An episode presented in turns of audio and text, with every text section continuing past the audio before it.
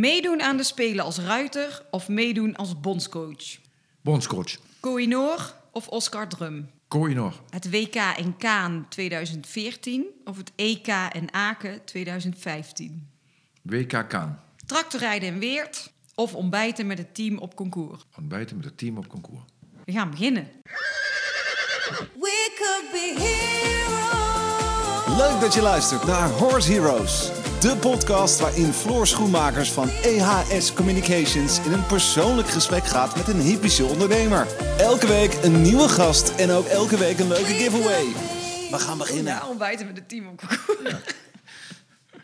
Dan ben ik in ieder geval weer op weg. Dan ben je weer op avontuur, ik snap het helemaal.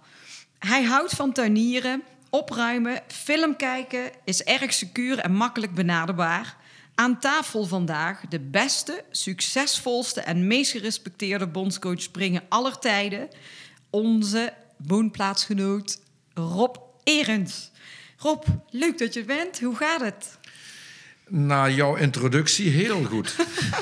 Het zijn wel hele, hele veel eh, eh, woorden die jij eh, opnoemde. Nee, het gaat goed, eh, Floor. Ja. Rustig, maar goed.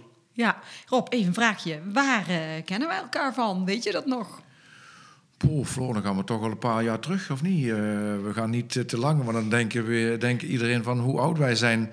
Goh, Ik zit zelf te denken. Ik denk we eigenlijk kennen dat... elkaar al zo lang. Ja, En eh, ik zou niet weten wanneer eigenlijk. en ik weet ook niet eens meer precies waarvan. Gewoon Nee. van het Nee. Van, Ja, van, van Pukje, wat ik niet mag zeggen ja, waarschijnlijk. ja, ja Pukje wordt groot. Pukje wordt papa. Ja, lang. Leuk, toch? Ja, hartstikke leuk. Rob, wil je iets meer vertellen over jou, eh, jouzelf en over je bedrijf? Ja, wat ben ik? Ik ben geboren en getogen in, eh, op de Slek in eh eh, bezijde de woonplaats Echt.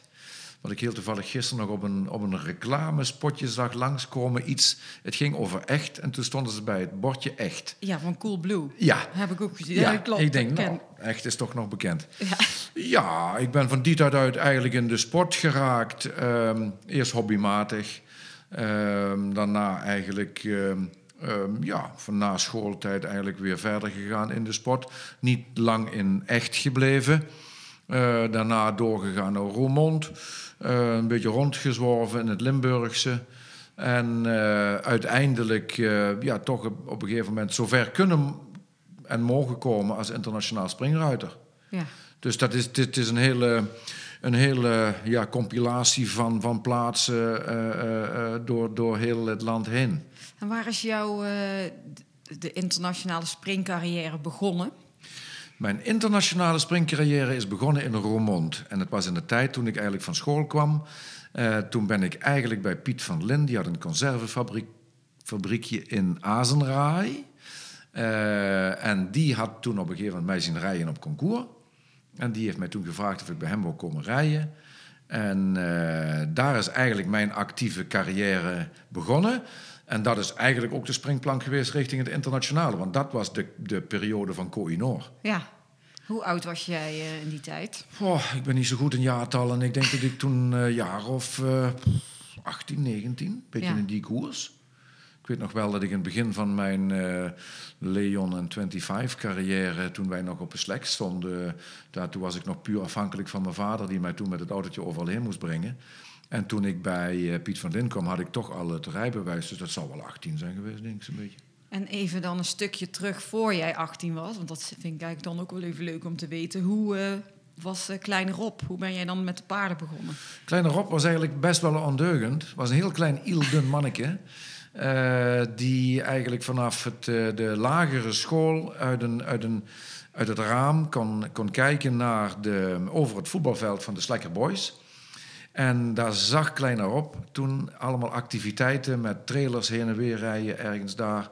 En daar ben ik gewoon op een gegeven moment een keer gaan kijken. En het was eigenlijk eh, eh, een, een vleesgrossierderij, eh, veehandel, Sjaak Bongaerts. Oh ja. Helaas een paar jaar geleden overleden. Maar gelukkig wel nog naar zijn begrafenis kunnen gaan. Ik denk dat het twee of drie jaar geleden is. Dat is nog niet zo heel lang. En dat was eigenlijk mijn drive naar school. Langs huis terug, overalletje aan en, eh en daar naartoe. En dat, dat ben ik eigenlijk, daar ben ik eigenlijk begonnen. En daar ging je dus dan eh, de paarden rijden. Nou, nog niet. Nee, Oh, toen nog nee, niet? nee, nee, nee. Dat was op een gegeven moment eh, het overalletje aan en meehelpen op stal. En ja, de stallen schoonmaken. Die hadden altijd koeien staan en kalveren Oh, ja. en, en van alles wat. En ponnetjes stonden er toen de tijd ook. En zo ben ik er eigenlijk een beetje ingerold. Ja. En dan mocht ik dan met het werken op, de, op, het, eh, op het bedrijf daar... eh, ja, mocht ik een keer op een pony gaan zitten. En toen bleek toch al vrij snel dat ik dat toch iets gemakkelijker deed dan menig ander.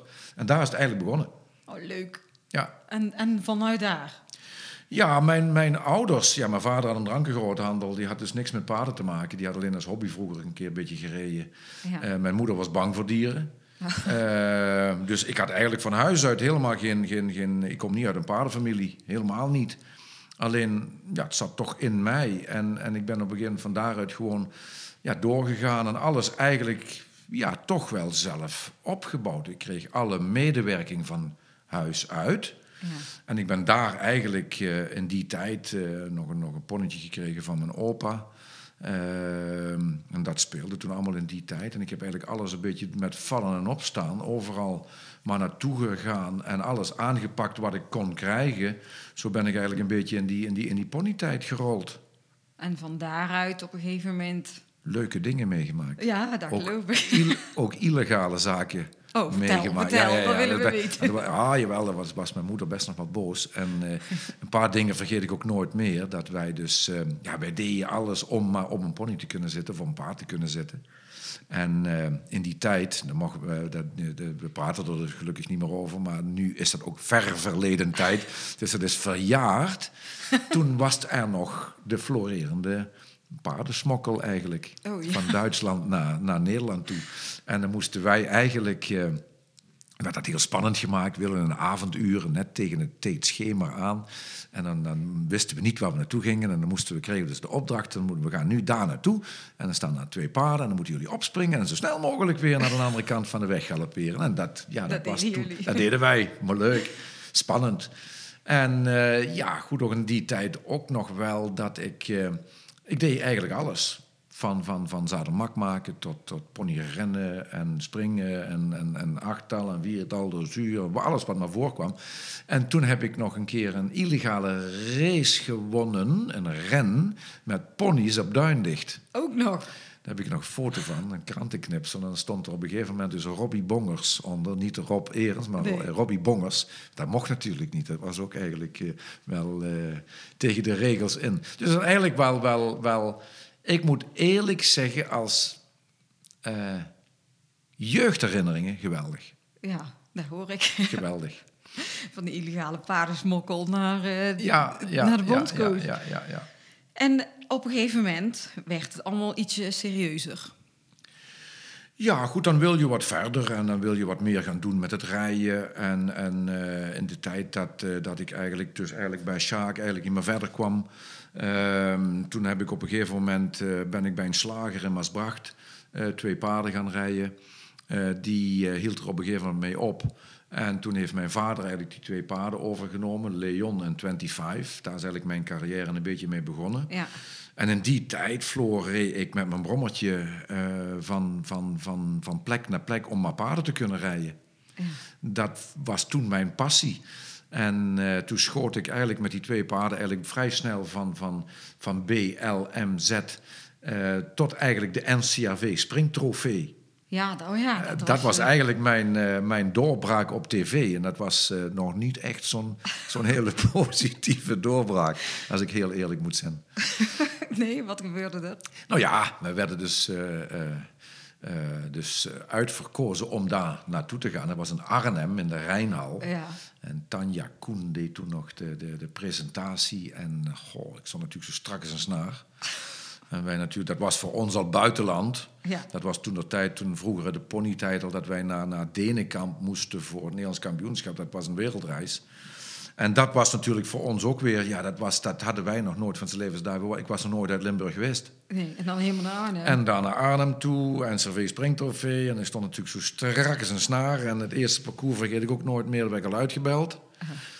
En tweede parcours stond ik voor de slagboom. En toen reed eh, de combinatie voor mij, die reed toen een hele sprong aan, aan duigen. En er lag alles op de grond. En eh, dat moest natuurlijk nog opgebouwd worden. Maar toen mee ging die slagboom omhoog. En ik galopeer binnen en ik zeg mijn naam. En ik doe de cap erop en ik galopeer in. In dat is nummer 1. Tingelingeling, je staat voor de bel. Toen hadden we wel een hele kleine kabinetscrisis met mijn vader daar. Zit, verdomme ze die we zijn op concours. En we zijn komen op tv. Wat, wat doe je me nou? dus dat is eigenlijk eh, ja, ook weer wel leuk om nu terug te blikken... hoe eigenlijk mijn carrière eigenlijk toen, toen begonnen is. En, en ja, met vallen en opstaan. Ja, maar dit, dit zijn wel leuke verhalen om te horen. Op een gegeven moment werd het natuurlijk eh, een stuk serieuzer.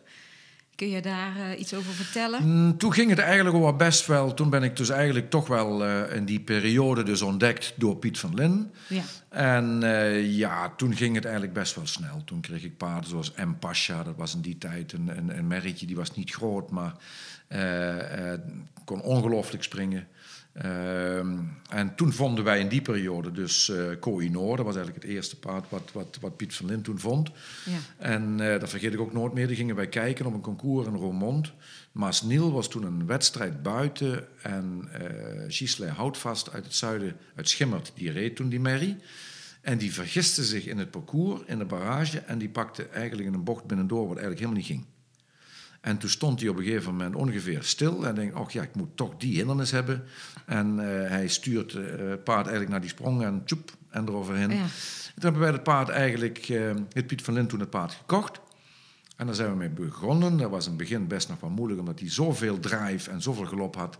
ehm, dat de combinaties meestal het probleem waren. Dat is ook gebleken toen ehm, wij de alternatieve Olympische Spelen toen in Rotterdam hadden. was de boycott van Moskou. En eh, dat zijn ook weer herinneringen die ik ook nooit meer vergeet. Toen lag ik als, als een paar in het begin in dat eerste onderdeel eh, gewoon op de grond. Want er stond een combinatie eh, stijlsprong, trippelbaar op een korte twee galopsprongen. En dat ging dus op één. Dus dat was Mikado van alle kanten. Ja. Maar dat was wel mijn doorbraak in de internationale sport. En dat is eigenlijk een, een, eh, in een flits gegaan, waar we dus nu eigenlijk zien dat iedereen toch vrij lang nodig heeft om ergens naartoe te werken. Kwam ik eigenlijk in een zucht en een scheet van alleen in één nationaal concours eh, in 79 in Winschoten. En, en in 80 was mijn eerste internationale concours van kaliber Ja. Hickstead.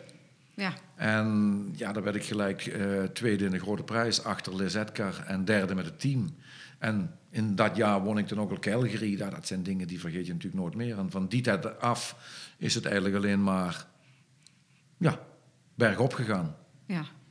En je hebt de Olympische Spelen eh, meegedaan Ja, als ruiter. ja. En natuurlijk ook als coach, maar daar komen we Ja. straks even op. Hoe eh, was dat toen, als je dan zelf als ruiter Ja, spannend, spannend. Het is natuurlijk altijd, punt A is het hartstikke leuk als je dus op een gegeven moment dus, eh, eh, eh, geselecteerd wordt.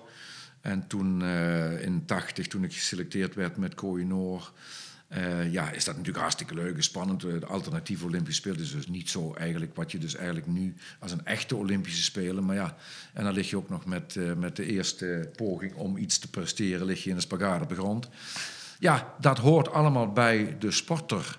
Ja. En de tweede Olympische Spelen die ik meedeed was met Oscar Drum in Los Angeles. Was ik de enigste als springruiter die afgevaardigd werd naar de Olympische Spelen. En we komen aan en het paard was niet eh, fit to compete. Dus ik heb daar Oh. drie weken gezeten en, en eigenlijk alles wel in alle rust kunnen bekijken, maar ook niet kunnen acteren. Ja, is ook weer een, ehm, een fase in je leven wat je een plekje moet geven. eh, waar je ook weer van leert. Maar ja, dat zijn geen leuke dingen. Achteraf gezien, maar ja, dat, Nee. dat, het, het, het was gewoon niet anders.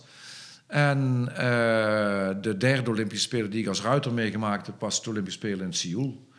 Eh, dat was in 88, toen waren we eh, vijfde met het team en ik was veertiende individueel. Dus heb ik alles wel af kunnen maken. Ja. Dus dat was in ieder geval al een, al een pluspunt. Maar wel leuk om, ja, toch leuk om meegemaakt te hebben. Om, de, om als, als ja, die sfeer te kunnen proeven. Olympische deelnemer, Olympisch dorp.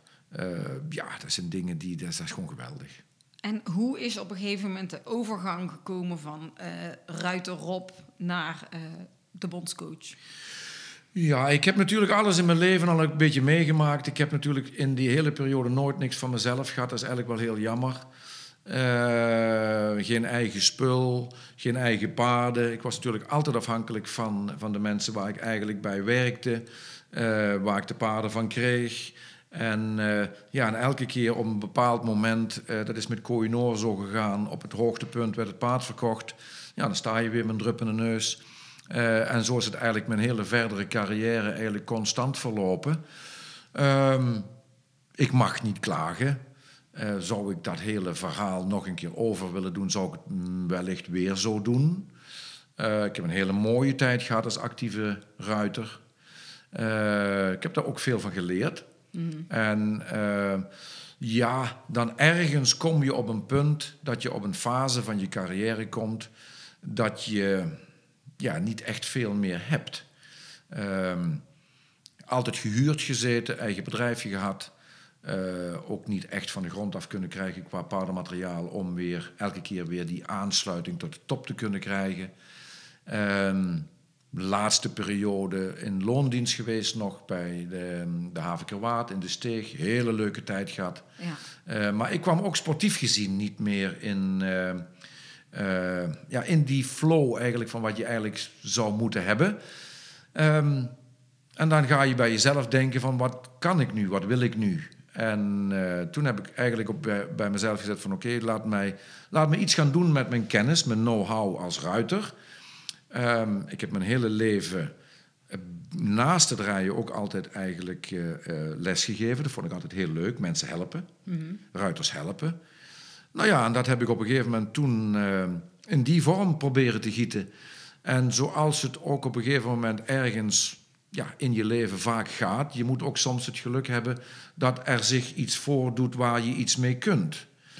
En eh, dat weet ik nog goed, dat ik tegen mijn vrouw zei van... God, ik hou op met dat paardrijden. En ik voel nu ja, dat ik een beetje een, een, een, naam op de startlijst word. Een beetje programmavulling. Maar ik kan niet echt meer die dingen doen die ik graag zou willen doen.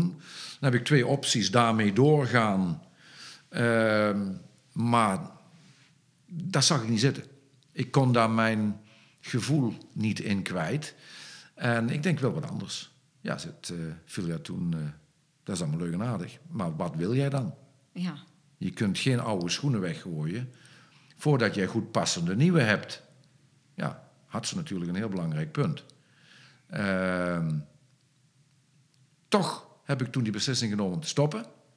En toen deed zich net in die tijd voor, in 2002 was dat, of einde van 2001 eigenlijk, dat eh, Daan Nanning eigenlijk ophield met ehm, coach te zijn van de junior jongrijders Ja. bij de KNS. En daar heb ik eigenlijk toen eh, brutaal, geloof ik, ik weet nog niet eens meer hoe ik dat gedaan heb, maar ik geloof me gewoon zelf voor aangemeld. Ja.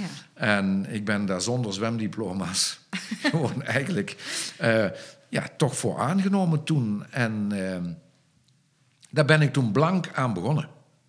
Zonder enige vorm van kennis van, van, van coach. Maar al twintig jaar dus.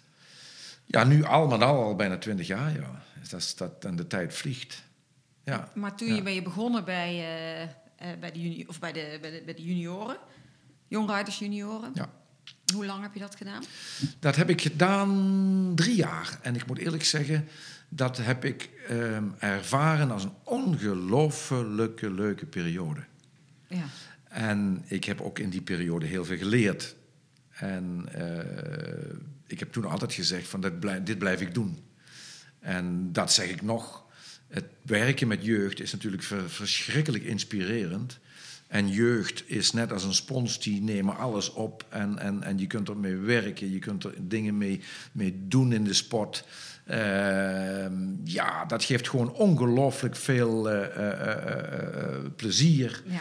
En, en successen ook. is hartstikke leuk om te doen.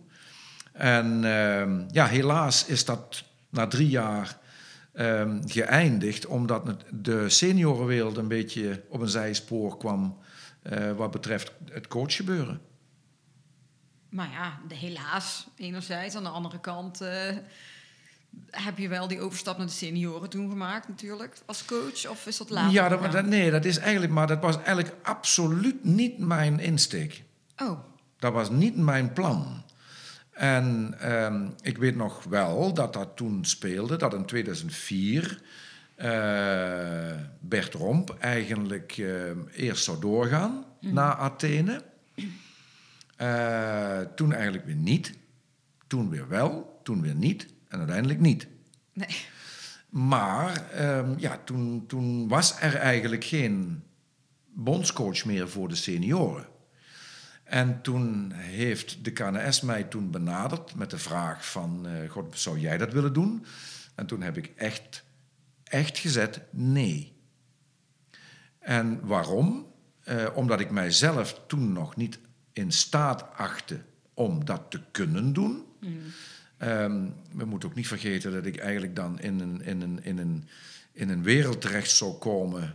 eh, dat ik zou moeten gaan regeren over mijn collega Ruiters. Ja. Waar, ik, waar ik altijd mee gereden heb met, Ja. met een van Wout-Jan van der Schans... en Piet Raamakers en Erik van der Vleuten. Eh, noem maar op, allemaal die mensen. Ehm, ja, daar voelde ik mij helemaal mezelf nog niet klaar voor. En toen heb ik ook nee gezegd. En ehm, ja, toen zijn ze gaan zoeken. Zoeken, zoeken, zoeken, zoeken. Maar er was best wel wat werk te doen. En toen heb ik het eigenlijk ehm, eh, als een interim gezegd: van oké, dan laat mij maar wat dingetjes doen dat ik ehm, ja, wellicht iets kan helpen. Eh, nou ja, toen heb ik toch best wel veel moeten doen. Best nog wel wat problemen gehad, wat problemen getracht op te lossen. Eh, uiteindelijk ook nog wel vrij aardig in die richting kunnen komen. En toen heb ik bij mezelf op het einde van het seizoen gezegd: ehm, God, ja, Waarom niet? Ja. waarom niet? Dus ehm, toen heb ik gezegd: ja, doe het wel. ja, en dat is goed eh, verlopen. Ja, dat wist ik toen nog niet, hè? en eh, toen, dat vergeet ik ook nooit meer, toen zei, toen zei Filia tegen mij van... Ja, nu heb je wel ja gezegd, maar hoe ga je dat doen dan? En zo is het eigenlijk het verhaal eh, begonnen. Ja. Eh, eind 2004 en, en, en van die tijd af, eh, dus vanaf 2005 tot heden. En ik moet eerlijk zeggen, ik doe het nog steeds ongelooflijk graag. ja, want het zijn dus echt al een hele tijd. En hoe lang ga je het nog blijven doen? Nou, kijk, punt A moet je bij jezelf de vraag stellen of je het zelf wil. Ja, En ehm, als, als de dingen die je moet doen als coach, en daar komt heel veel communicatief werk bij kijken, daar komt heel veel ehm, ehm, ja, bij kijken dat je moet selecteren. Zolang dat bij mij een heel moeilijk punt blijft, zolang dat aan mij blijft vreten, eh, dat ik het heel moeilijk blijf vinden, heel zwaar blijf vinden, het selecteren, het, het mensen eh, blij maken, het mensen teleurstellen, het mensen kwaad maken. Dat is inherent het vak. Eh, dan blijf ik het, wat mij betreft, nog graag doen.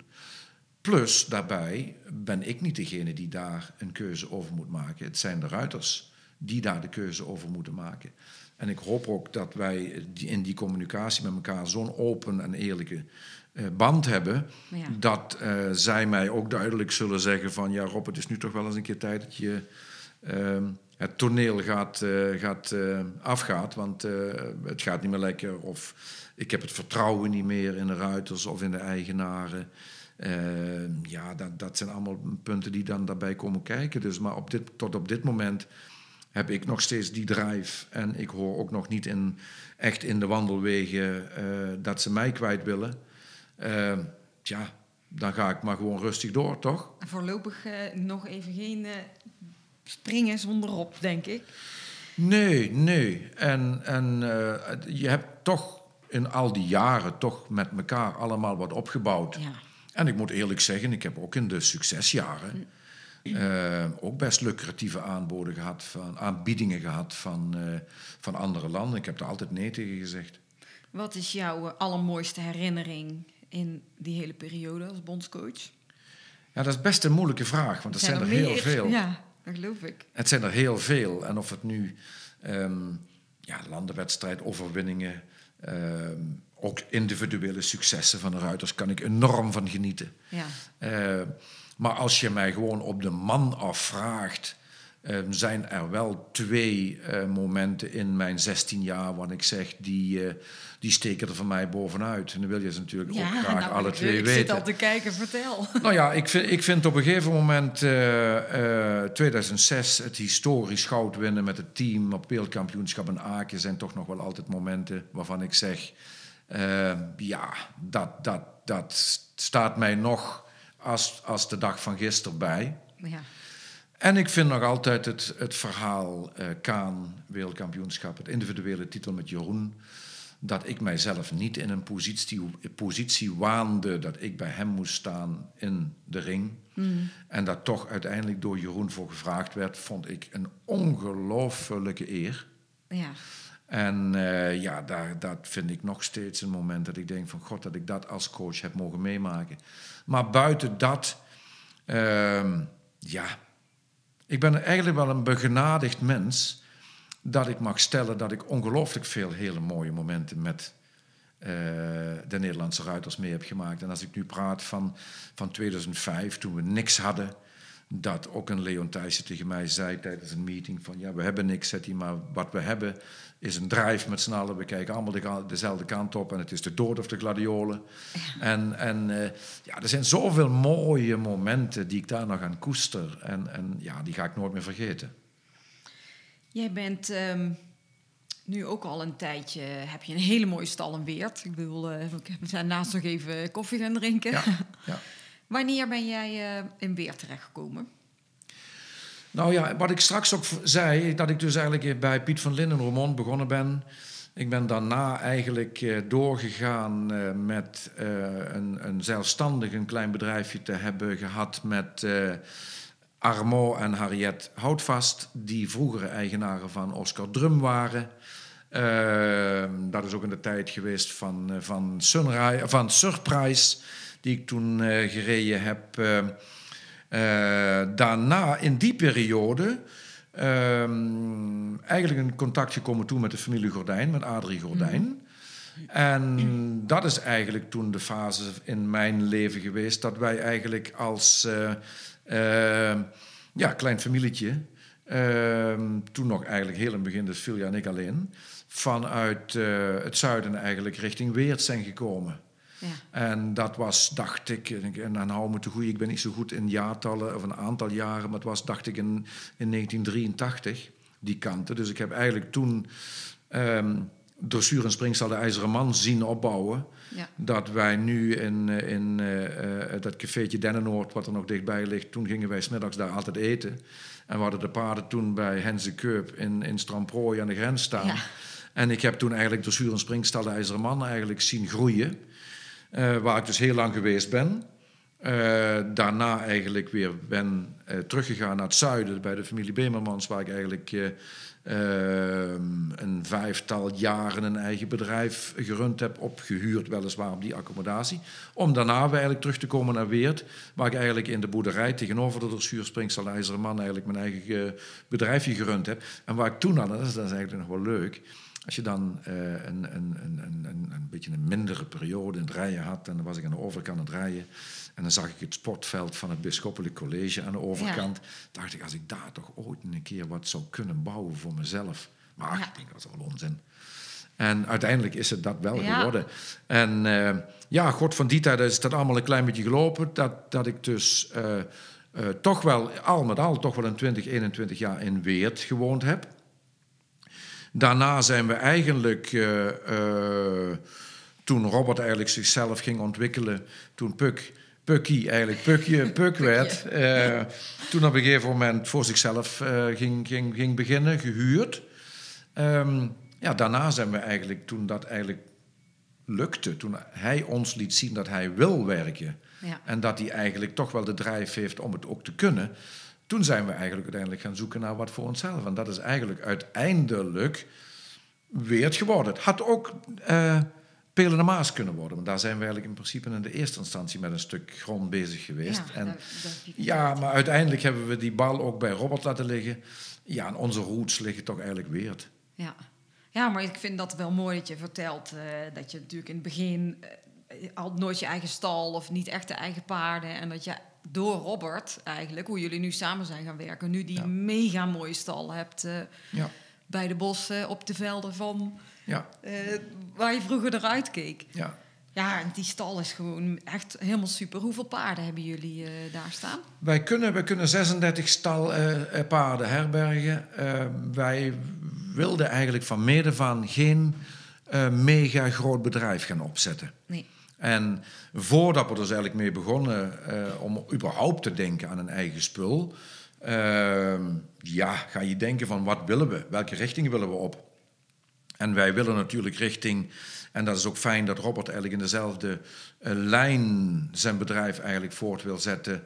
Eh, en wat we dus nu samen doen, maar later uiteindelijk dat zelf wil gaan doen in opleiding van paarden, sportbedrijven. Maar daarnaast eigenlijk eh, ehm, lesgeven. Ehm, dat is eigenlijk wat bij hem een rode draad door zijn leven is en bij, bij ons ook. Maar wat wij niet ambieerden was een megabedrijf. Nee. We wilden het eigenlijk op een gegeven moment zo doen dat het niet te klein is, niet te groot is, eh, maar goed te behappen is. Ja. En, en ehm, ja, wellicht, dat ik natuurlijk ook niet meer de jongste ben om nog zoiets te gaan beginnen, ga je wel op een gegeven moment eh, in, een, in een periode dat je dat eigenlijk gaat bedenken, ga je wel even goed op een rijtje zetten van wat zou dat kunnen zijn. En dan komt ook weer de lange wachttijd, de ervaringen die je hebt, komen dan wel eigenlijk ten goede voor als je iets gaat opzetten. Ik denk als wij dat als. eh, ehm, waar ik vaak genoeg tegen, tegen Filia gezegd heb: van god, dat hadden we jaren eerder moeten doen. Dan zei Filia altijd: ja, daar was de tijd niet voor. Nee. Daar was de tijd niet rijp voor, daar waren wij niet rijp voor. Eh, en dan ga je misschien dingen doen waar je denkt, achteraf gezien, ehm, tja, daar gaan we spijt van hebben. Ik ben daar eigenlijk veel makkelijker in en veel sneller in. En dat is eigenlijk Filia eigenlijk mijn, mijn, mijn tegenpool die zegt, nee, we gaan dan pas wat doen als het ook echt dat is wat wij willen. Ja. En gelukkig heb ik daar altijd naar moeten luisteren. en uiteindelijk is dat, is dat ook dan, ja, dat is goed gekomen, dat is maar zeggen. En het is nu ehm, vlak voor dat er Tokio zou zijn. We zijn weer, het is allemaal weer onzeker wat er allemaal gaat gebeuren met de sport. Ik wil heel even een link leggen naar eh, het hele eh, corona-verhaal. Want een jaar geleden begon het natuurlijk allemaal. Hè. We kwamen in een lockdown, alle evenementen werden afgelast. Wat heeft dat eh, voor jou met je bedrijf en de sport en de bondscoach en alles... Wat heeft het voor jou betekend het afgelopen jaar? Nou, ik moet wel zeggen dat dit een, een heavy jaar is. Ja, En eh nou, dat is in die vorm gieten dat wij, eh, toen wij ons eigen bedrijf gingen beginnen, eh, dat wij met ons kleine familietje geen familie zijn die miljoenen achter de hand hebben. Ehm, wij hebben altijd heel hard moeten werken voor wat we hebben. Dus wij hebben eigenlijk onze nek ook wel uitgestoken om zo'n bedrijf gaan, gaan op te zetten. Ehm, wij hebben gelukkig dat ook in, in die zin van het woord zo gedaan dat wij eh, realistisch zijn, realisten zijn, ehm, geen dagdromers. En dat we van mede van gezegd hebben, wij gaan dit bedrijf opzetten, maar we gaan beginnen met een totaalplaatje, maar we gaan dat eh, stap voor stap invulling geven. Ehm, achteraf is dat ook wel eh, ehm, goed gebleken.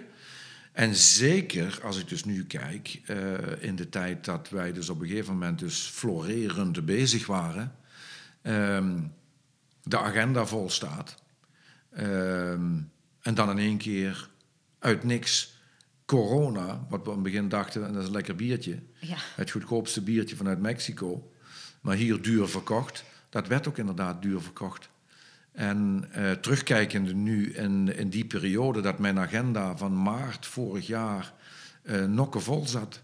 Met clinics, met afspraken, met lessen, met wedstrijden. En die, die, die maand, die, die agenda was een zucht en een scheet leeg. ja.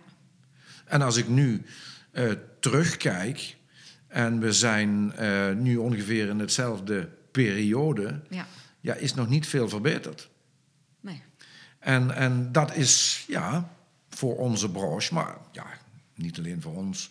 Als ik om me heen kijk, is dat voor iedere ondernemer gewoon eh, eh, op dit moment gewoon een hele moeilijke tijd. En eh, nou ja, goed, daar leer je dan ook weer een klein beetje mee omgaan. En je, je, je probeert weer andere dingen te doen in die periode. Ehm, maar ja, en dan krijg je dan als toetje, als kerst op de taart, krijgen we er nog een keer het, het rhinovirus Ja. En dan ene keer staan we weer, nog weer, nog meer stop. Ja. Eh, eh, eh, nog meer dingen Want, want hoe, die je niet... hoe, wat nu? Ik bedoel, dat kan jij ook niet anders zeggen. Maar ja, ik zeg het. nogmaals, ik zeg, erger kan het, nu, kan het eigenlijk nu niet meer worden. Nee. En ehm, god, we hebben daar natuurlijk op een gegeven moment met z'n allen mee te doen. En, en ik zeg nogmaals, overvolle agenda, stallen vol. Ja, dat is allemaal op wankel ijs gekomen, op, op dun ijs gekomen. En, en eh, ook daarin moeten, we- moeten we weer leren. Ja, maar er wordt nu verwacht ehm, dat je je toch gaat voorbereiden op Tokio. Ja. Jij moet een team eh, gaan vormen, je moet gaan beoordelen. Hoe, moet je dit, hoe doe je dat? Dat is een hele goede vraag. Hoe doe je dat in deze periode van corona En Rino? en Rino? Geen wedstrijden, ehm, weinig reizen, liefst niet reizen. Ehm, ja, ik zou het liefste die vraag aan jou stellen. Ja. eh, dat jij of jij mij een antwoord kunt geven van hoe ik dat nu het beste kon, kan gaan doen. Dat zou mij weer enorm helpen. Maar ik denk dat, ehm, en dat is wel iets wat met mij wel gegeven is. het enige wat we op dit moment kunnen doen is rustig blijven. ja. Gewoon rustig blijven. Eh, niet in de stress raken. Ehm, het brengt niks. En dat heb ik van mede van gezegd, ook toen we met de corona begonnen. Ehm, pas op de plaats. Even de kat de boom kijken. Eh, en geen rare dingen gaan doen. En het enige wat we nu kunnen doen, we kunnen nu allerhande scenario's erop loslaten. Ehm, plannen gaan maken. Eh, teams gaan proberen op papier te zetten. Ehm, het werkt niet. Nee. We weten niet wanneer dat het weer open gaat. Is dat begin april? We hadden gehoopt begin maart. Ja. Nou, maart is ook weer de hele maand dicht. Nu hopen we dat het april gaat worden dat we aan de gang kunnen. Is dat zo? Ik weet het niet. Jij weet het niet. Niemand weet het. nee. Wordt het mei? Wordt het juni? Maar is het dan wel re- realistisch om überhaupt naar Tokio te gaan? Nou, kijk, wij moeten. ehm we hebben van hogerhand gewoon opgedragen, of opgedragen is het verkeerde woord. Eh, er zijn natuurlijk in, het, in de afgelopen periode heel veel discussies gaande. Eh, gaat het door? Gaat het niet door? Iedereen die jij vraagt heeft daar zijn mening over. Eh, wij hebben op een gegeven moment dus vanuit het NOC-NSF, en dat hebben we ook op de tv gezien, dat Maurits Hendricks, de chef de mission van het NOC-NSF, bij Jinek zei heel duidelijk, Het gaat door. gaat door. Ja. Hoe het ook doorgaat, dat weten we niet. In welke vorm het gaat door. Daarna hebben wij nog via de KNS een, eh, een, een eh, inspirerend gesprek met Pieter van der Hogeband gehad. En die zei precies hetzelfde. Dus wij kunnen niet anders meer dan gewoon zeggen, het gaat door. Ja, maar dat begrijp ik bij een heleboel andere sporten. Maar als je een springruiter bent en je moet een bepaald parcours oefenen, hoe, hoe moet je zich voorbereiden dan? Nou ja, kijk, het is, het is natuurlijk voor elke sporter natuurlijk... Je kunt, je kunt in een tijd dat je geen evenementen kunt doen... dus geen actieve sport op een wedstrijd kunt doen... kun jij maar één, heb jij eigenlijk maar één optie. Dat is jezelf fit to compete houden thuis. Nou, dat kan een humane sporter. Dat kunnen wij met onze paarden ook. Ehm, nuchter, realistisch voor me uitdenkende, constateer ik dat wij, als het nog langer aanhoudt, niet met niet ervaren combinaties naar Tokio af kunnen reizen. Je kunt niet met een paard die nog niet op dat niveau lang genoeg geopereerd heeft, kun je niet zeggen ik ga in één keer naar en Olympische Spelen toe. Nee. Dus het zullen sowieso combinaties moeten zijn die toch al iets langer bij elkaar zijn. En je kunt een, een toppaard, en dat is eigenlijk wel mooi om dat een keer te kunnen en mogen uitleggen. Kijk, een toppaard wat. eh, eh, ik, noem, ik noem even één voorbeeld. En, en eh, daar zijn natuurlijk legio van. Of legio, daar is een groepje van. Ik pak nu even gewoon Mark Houtzagers een paard, Sterrenhofs Dante. Die eh, al het allerzwaarste gedaan heeft. Die zit dus nu ook in een fase dat hij sporadisch een keer een wedstrijdje kan lopen. Zou dat kunnen richting Tokio? Dan zeg ik ja. Zolang dat paard fit to compete gehouden wordt thuis, dus dat hij eigenlijk fris in zijn hoofd blijft, dat hij spiertechnisch zo goed en zo kwaad als het kan op peil gehouden wordt. Je kunt natuurlijk nooit dat creëren wat ze moeten geven op een topevenement eh, thuis als op dat topevenement. Dat kan natuurlijk nooit. Maar alleen als je op een gegeven moment maar dat paard in die zin wat woord fit houdt, dan zou dat ook met relatief weinig wedstrijden kunnen. Ja. Dan moet ook nog een keer de ruiter dat kunnen. Ja. Want wij zitten natuurlijk op een gegeven moment met twee levende wezens. En als wij een andere humane sport pakken, ik noem maar iets zwemmen, Ja. ja, daar is alleen de zwemmer of de zwemster die dat moet kunnen. Het water geeft daar niks om. Nee. Maar wij hebben natuurlijk op een gegeven moment een combinatie van. Dus hebben wij een paard wat bij van spreken dat zou kunnen, maar de ruiter heeft weer zoveel wedstrijden nodig om echt in dat wedstrijdritme te komen. Ja, dan hebben we weer een dilemma. Ehm, kan ook de andere kant om zijn, dat de ruiter het wel kan, maar het paard eigenlijk niet direct dat kan doen, die dan toch meer wedstrijden nodig heeft om. En uiteindelijk, hoe je het wendt of keert, ehm, wat zoek ik, wat selecteer ik en wat probeer ik voor elkaar te krijgen? Ik probeer voor elkaar te krijgen een kleine groep ruiters, fit to compete, maar ook in de flow. Ja. En wat wil dat zeggen? In de flow wil zeggen dat je in, in, een, in, die, in die wedstrijdroes zit. Eh, wat we vaak zien, dat iemand die in de flow raakt, die kan daar een bepaalde periode in blijven en die blijft dan ook pieken. Maar dat is moeilijk om op een gegeven moment dadelijk met bijna geen wedstrijden toch dat te kunnen. Ga je kunnen creëren. eh, bezoek je ze nu ook, de ruiters? Ga je daar regelmatig kijken zelf? Ik heb dat nooit gedaan, dat ga ik nu ook zeker niet doen. Ehm, je moet ook coach en trainer, dat moet je eigenlijk loskoppelen. En als je dus coach defineert, is dat niet iemand die zich met alle technische in- en outs gaat bemoeien. En ook dat heb ik zelf ervaren als ruiter. Als jij een, een, een, een bondscoach krijgt die zich ook nog inhoudelijk gaat bemoeien met het technische aspect, dat kan alleen als je de desbetreffende combinatie van A tot Z kent.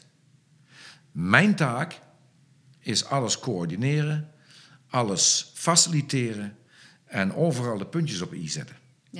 Dingen afstemmen, aftunen, fine-tunen. ja, maar ik kan me voorstellen meer... Ik bedoel, iedereen weet eh, de band die jij hebt met die ruiters. En eh, dan zie je elkaar heel lang niet. Meer dat, van dan ga je niet gewoon even naar ze toe. Hoe is het dat je gewoon weer even Ja. elkaar ziet? Ja, heb ik in deze periode eigenlijk bewust niet gedaan, omdat ik sowieso vind dat als wij van het coronavirus af willen komen, dat we allemaal onze eigen verantwoordelijkheid moeten nemen. Ja. En wie ben ik dan om bij alle ruiters op visite te gaan? Zij weten ook niet waar ik gezeten heb. Eh, dus ik vind, wij moeten dat proberen zoveel mogelijk in te dammen. Wat wij, wat wij veel hebben, is veel telefonisch contact. En eh, via de groepsapp. Dus het is wel zo dat we wel contact hebben, maar je hebt niet dat fijne contact wat, wat je graag zou willen hebben ehm, met die, eh, eh, die meetings die we regelmatig met elkaar hebben. Maar eigenlijk het intensieve contact wat we op wedstrijden hebben. En die contacten tijdens onze wedstrijden, ja, die zijn natuurlijk heel intens. Ja, en die eh, zullen ook wel enorm gemist worden door Ja, iedereen. dat is net wat jij straks ook vroeg. Ik zit natuurlijk heel graag Ja. op de tractor thuis. Vind ik, vind ik heerlijk. Maar ja, ik mis wel enorm de, de ontbijtjes met, met mijn team op Ja, de wedstrijden. Dat snap ik helemaal. Wat heeft corona voor jou eh, privé veranderd? Het heeft voor mij privé eigenlijk totaal niks veranderd. Ehm, wij zijn, laten we het maar eens zo zeggen, nog steeds meer met ons kleine familietje naar elkaar toegetrokken. En ik mag mezelf eigenlijk in een gelukkige eh, omstandigheid eh, plaatsen. eh, dat wij ons nog in de hele coronatijd nog geen seconde met elkaar verveeld hebben. Nu zijn wij ook ehm, uiterst bevoorrechte mensen in deze situatie. Waarom? Ehm, wij kunnen ons ding doen. Ja. Ons ding gaat gewoon door. Eh, wij eh, zijn eh, lekker de hele dag op stal bezig. Wij, al onze, onze werkzaamheden gaan eigenlijk gewoon door. Weliswaar in een afgeslankte vorm. maar met een, een, een, een vaste groep op stal. met gepaste afstanden daarbij. Maar gaat ons werk gewoon door. Ja, jullie wonen prachtig daar. eh. Waar we zelf wonen is ook eigenlijk een lust om te zijn. Eh, ook lekker buitenaf. Ook weer een tuintje erbij waar, we- waar, waar ik s'avonds dan nog mijn ei in kwijt kan. En, en nogmaals, daar waar we op stal hebben... Ja, dat is, een, dat is, een, ja, dat is gewoon... Hoe moet ik het zeggen? Dat is, dat is een... Ja... Hoe, hoe, hoe, hoe omschrijf ik dat? Dat is gewoon iets... Ja, dat is gewoon... eh, dat, dat, zoiets, dat je zoiets kunt hebben, is gewoon uniek. ja, ja En, en, en, en, en, en dat, dat, dat waarderen wij ook enorm. En, maar ik kan mij echt levendig voorstellen dat als je in die coronatijd komt en, en, en je hebt die, die uitval niet, ja, dat je toch snel aan elkaar geïrriteerd raakt. Omdat je iets minder blij Ja. in je vel zit. hoor. Ja, ja, ja. Maar eh, je hebt natuurlijk nu wel heel veel tijd over gehad. Om, eh, ja, dat die evenementen er allemaal niet waren. Heb je ook nog eh, nieuwe hobby's ontwikkeld? Nee, ik heb geen nieuwe hobby's ontwikkeld. Je gaat wel weer bepaalde dingen relativeren. En je gaat ook weer langzaam kijken waar, waar moet ik nu echt op, op welke weg moet ik nu blijven doorgaan als ik straks op een gegeven moment niet meer in die coronaperiode zit. En ehm, ja, dat, wat, wat nu dus eigenlijk in deze periode wel ehm, ehm, erg de overhand heeft gespeeld bij mij, zijn niet dat ik nieuwe hobby's gevonden heb, maar dat ik eigenlijk veel meer tijd aan ons eigen bedrijf heb kunnen besteden. Ja. Waar ik normaal gesproken geen tijd voor heb, waar onze robot ook geen tijd voor heeft, want die moet op een gegeven moment altijd rijden, lesgeven, rijden, lesgeven, wedstrijden. Eh, alle dingen eromheen heeft het bedrijf natuurlijk geen windeieren gelegd. Alleen, ik moet natuurlijk dat weer langzaam gaan afbouwen, want dadelijk komt hopelijk weer de tijd dat ik weer veel weg ben. Ja, en dan zal het toch ook weer zonder mij daar verder moeten gaan. En eh, er is inmiddels een nieuwe generatie op komst. Ja, ja, ja, ja, ja. Leuk. Ja. Ik vond het leuk. Opa ja, Rob. Ja, ja, ja. Ach, dat zijn dingen die je toch altijd hoopt. En je hoopt natuurlijk ook op een gegeven moment dat... eh, ehm, ja, toch je zoon eigenlijk ook de weg vindt... dat hij het vindt wat hij eigenlijk graag wil hebben. Dat hij rust, in die zin van ook rust in zijn leven krijgt. Ja.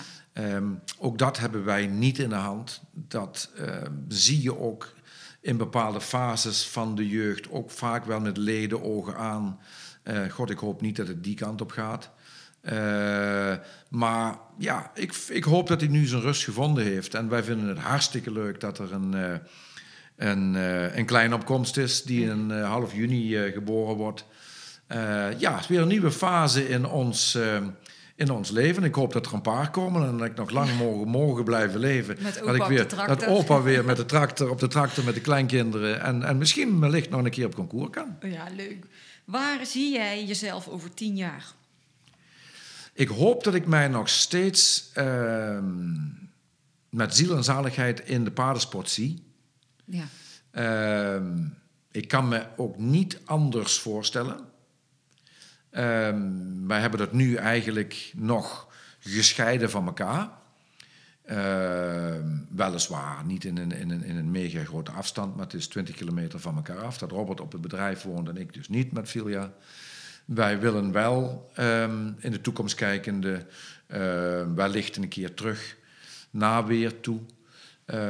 Hopelijk een beetje op het bedrijf. En dat is ook weer het mooie van ons bedrijf, dat het aan de rand van Weert is. Ja. Dat ik met een rollator tegen die tijd misschien dan nog, nog wel snel bij, eh, in het centrum Weert ben. Eh, maar ik, ik zie mij over tien jaar wel nog eh, volledig in de paardensport bezig. Dat is ook iets wat wij niet kunnen loslaten. Nee, ja, het is ook al eh, zo lang. En dan leuk met Robert erbij en die kleine erbij. Hopelijk heeft hij de paardengenen van... Ja, Van en, maar van de andere kant zeg ik ook, en dat heb ik nu al in deze periode wel een klein beetje aan kunnen proeven. ja. Ik, als de tijd komt dat ik geen bondscoach meer ben, dan vind ik mijn weg wel hoor. ja, dat geloof ik ook wel. Vind ik mijn weg wel. Oh, Rob, wij, kunnen, wij, zitten al, we zitten alweer bijna een uur te praten. En ik had, ja, en ik heb nog eigenlijk van alles wat ik moest vragen. En allemaal mensen hadden vragen ingestuurd. Maar ja, dan weet ik niet of het te lang gaat zijn voor een podcast. We hebben het ook helemaal nog niet over die muziek gehad. Jij gaf eh, aan eh, jouw favoriete muziek. Queen, Coldplay, Dire Straits. Ja, Is er één speciaal nummer waar je een bepaalde herinnering aan hebt? eigenlijk is het bij mij allemaal wel een beetje allround, maar er zijn gewoon bepaalde, eh, wat, wat jij dus net ook zei, Coldplay, Queen vind ik gewoon geweldig. Dire Straits, als ik dan op een gegeven moment elk jaar, als ik dan in Dublin op concours kom, in dat immense mooie grote stadion en dan spelen ze altijd Coldplay heel hard over die speakers in. Ja. Ja, daar krijg ik altijd rillingen van. Ehm, ja, ik ben in, in de grote zin van het woord een, een muziekliefhebber. het is voor eh, mij een vorm van ontspanning. Ja, op de tractor. Op de tractor, in de auto. Eh, ja, ja.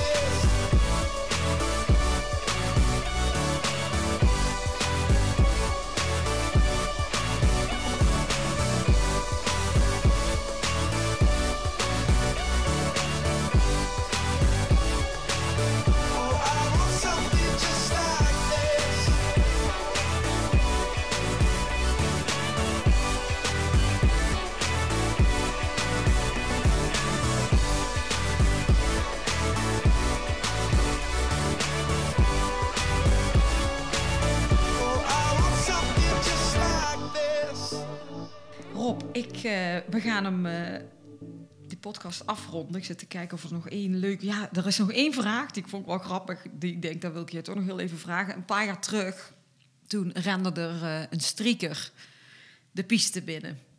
Wat, eh, hoe heb jij dat ervaren toen? ja, hoe heb ik dat ervaren? Dat gaat allemaal in een flits. Ja, En dan, eh, dan waan ik mij heel eventjes in de, in de figuur van een Bruce Lee of whatever. en dan zou ik hem het liefste zo snel mogelijk aan zijn string willen trekken en, en om een boom heen draaien. Ja, omdat ik op dat moment ehm, het gewoon niet kan, kan, kan bevatten wat die man doet. Ja, Of het anders uit te leggen, dat die man bevat niet wat hij doet. Nee. Dan zijn dan op een gegeven moment mensen die een, een, een, statement willen neerzetten. Maar wat ze niet weten, en dat gebeurde dus toen in Jumping Amsterdam, dat vergeet ik nooit meer. Dat was, toen was Gerco Schreuder met Monaco in de ring. Dat was in de Wereldbeker Grand Prix. Die zat in de driesprong. Ja, En met Mark nog een keer tijdens het Europees kampioenschap in Rotterdam. ja. Ja, dan, de- dan, dan hebben die mensen geen, geen idee van in welk voor een gevaar ze zo'n dier brengen. Ja, dan ben ik als duivel. En, en, en, en ik ben überhaupt geen gewelddadig type, helemaal niet. Maar, Maar die dan zou op dat moment zou ik hem het liefste onder de zoden willen slaan. Maar dan gaat het over paardenwelzijn. Wat vind jij eh, als laatste vraag van die hele paardenwelzijn discussie? Hoe kijk jij daar tegenaan? Ja, weet je, iedereen kijkt daar door zijn eigen bril. En ik zeg op mijn beurt, ehm, laat ons hiervan uitgaan en dan kunnen we daar een heel kort item van maken. Ehm, als het paard dat niet wil, doet hij het niet. Nee. Dan doet hij het echt niet. En dat hebben wij ook al meegemaakt. En eh, als wij op een nette wijze met de paarden om blijven gaan, en dat doen we, dan wil een paard heel graag met ons sport bedrijven. Ja, en laten we hopen dat we snel eh, allemaal weer de ring in kunnen. Dat iedereen ook kan gaan kijken naar eh, alle prestaties Ja. van jou en het team. Ja. Rob, ik vond het superleuk dat je mee hebt gedaan eh, aan de podcast. Ehm, op het einde van, eh, van elke aflevering doen we altijd even iets leuks weggeven van, eh, van de luisteraar. Heb jij iets in gedachten? Ik heb eigenlijk wel een paar punten in gedachten die misschien wel leuk zouden zijn. Ja. Of ik zoek nog iets vanuit het, de oranje wereld. Ja, Eh, of het nu een rosette is van een kampioenschap of een, een, een, een, eh, een item van, eh, van ons team. Ehm, ik wil anders ook wel heel graag mensen een keer een rondleiding over ons nieuwe bedrijf geven. En misschien is er iemand bij die zegt van... God, ik wil een keer een lesje hebben bij, bij ons. Kan dat in principe ook. Dus, dus er zijn meerdere wegen die naar Weert leiden. Nou, hartstikke leuk. We gaan dit wegzetten als de nieuwe giveaway vanuit Rob. Wat je daarvoor moet doen is ehm, een reactie achterlaten op de Facebook-post van vandaag op de podcast eh, van Rob. Als dat je meer wil weten over jou en je bedrijf, waar eh, kunnen mensen jou volgen? Ze kunnen mij op Instagram volgen, waar ik zelf geen, geen bal verstand van heb. Ze kunnen mij op Facebook volgen. Ze kunnen het op de website volgen. Ja. En eh, ja, ik, ben- ik, ik ben, ben, ben best goed zichtbaar op, op het internet. Rob, super bedankt nogmaals. En eh, hartstikke leuk dat iedereen weer eh, geluisterd heeft naar de podcast van vandaag. Heb jij nog een, eh, een toevoeging? Nee, ik heb geen toevoeging. Ik, eh, alleen, eh, ik vind het hartstikke leuk, Floor, dat jij mij ervoor gevraagd hebt. Ik vind het altijd enorm leuk dat, eh, ja, dat je toch nog een klein beetje in de picture blijft. Dat, dat ze niet denken van, ja, die hebben we nu al zo vaak gezien of gehoord. Die laten we maar eens mooi links liggen. Dus ik ben, ik ben daar zelf eigenlijk heel vereerd mee dat ik ervoor gevraagd word. En ik vond het hartstikke leuk om te doen. Ja, we hebben ook al lekker lang zitten kletsen. Rob, Ja. nogmaals voor de laatste keer. super bedankt. En eh, tot volgende week met weer een nieuwe gast. Doei! We could be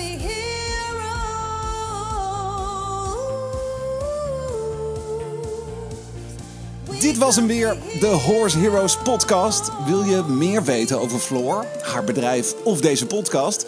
Kijk dan even op de website van ehscommunications.nl. En wat je ook zeker even moet doen, is je abonneren op deze podcast om geen enkele aflevering te missen. Het zou helemaal top zijn als je dan meteen een beoordeling achterlaat. Tot volgende week!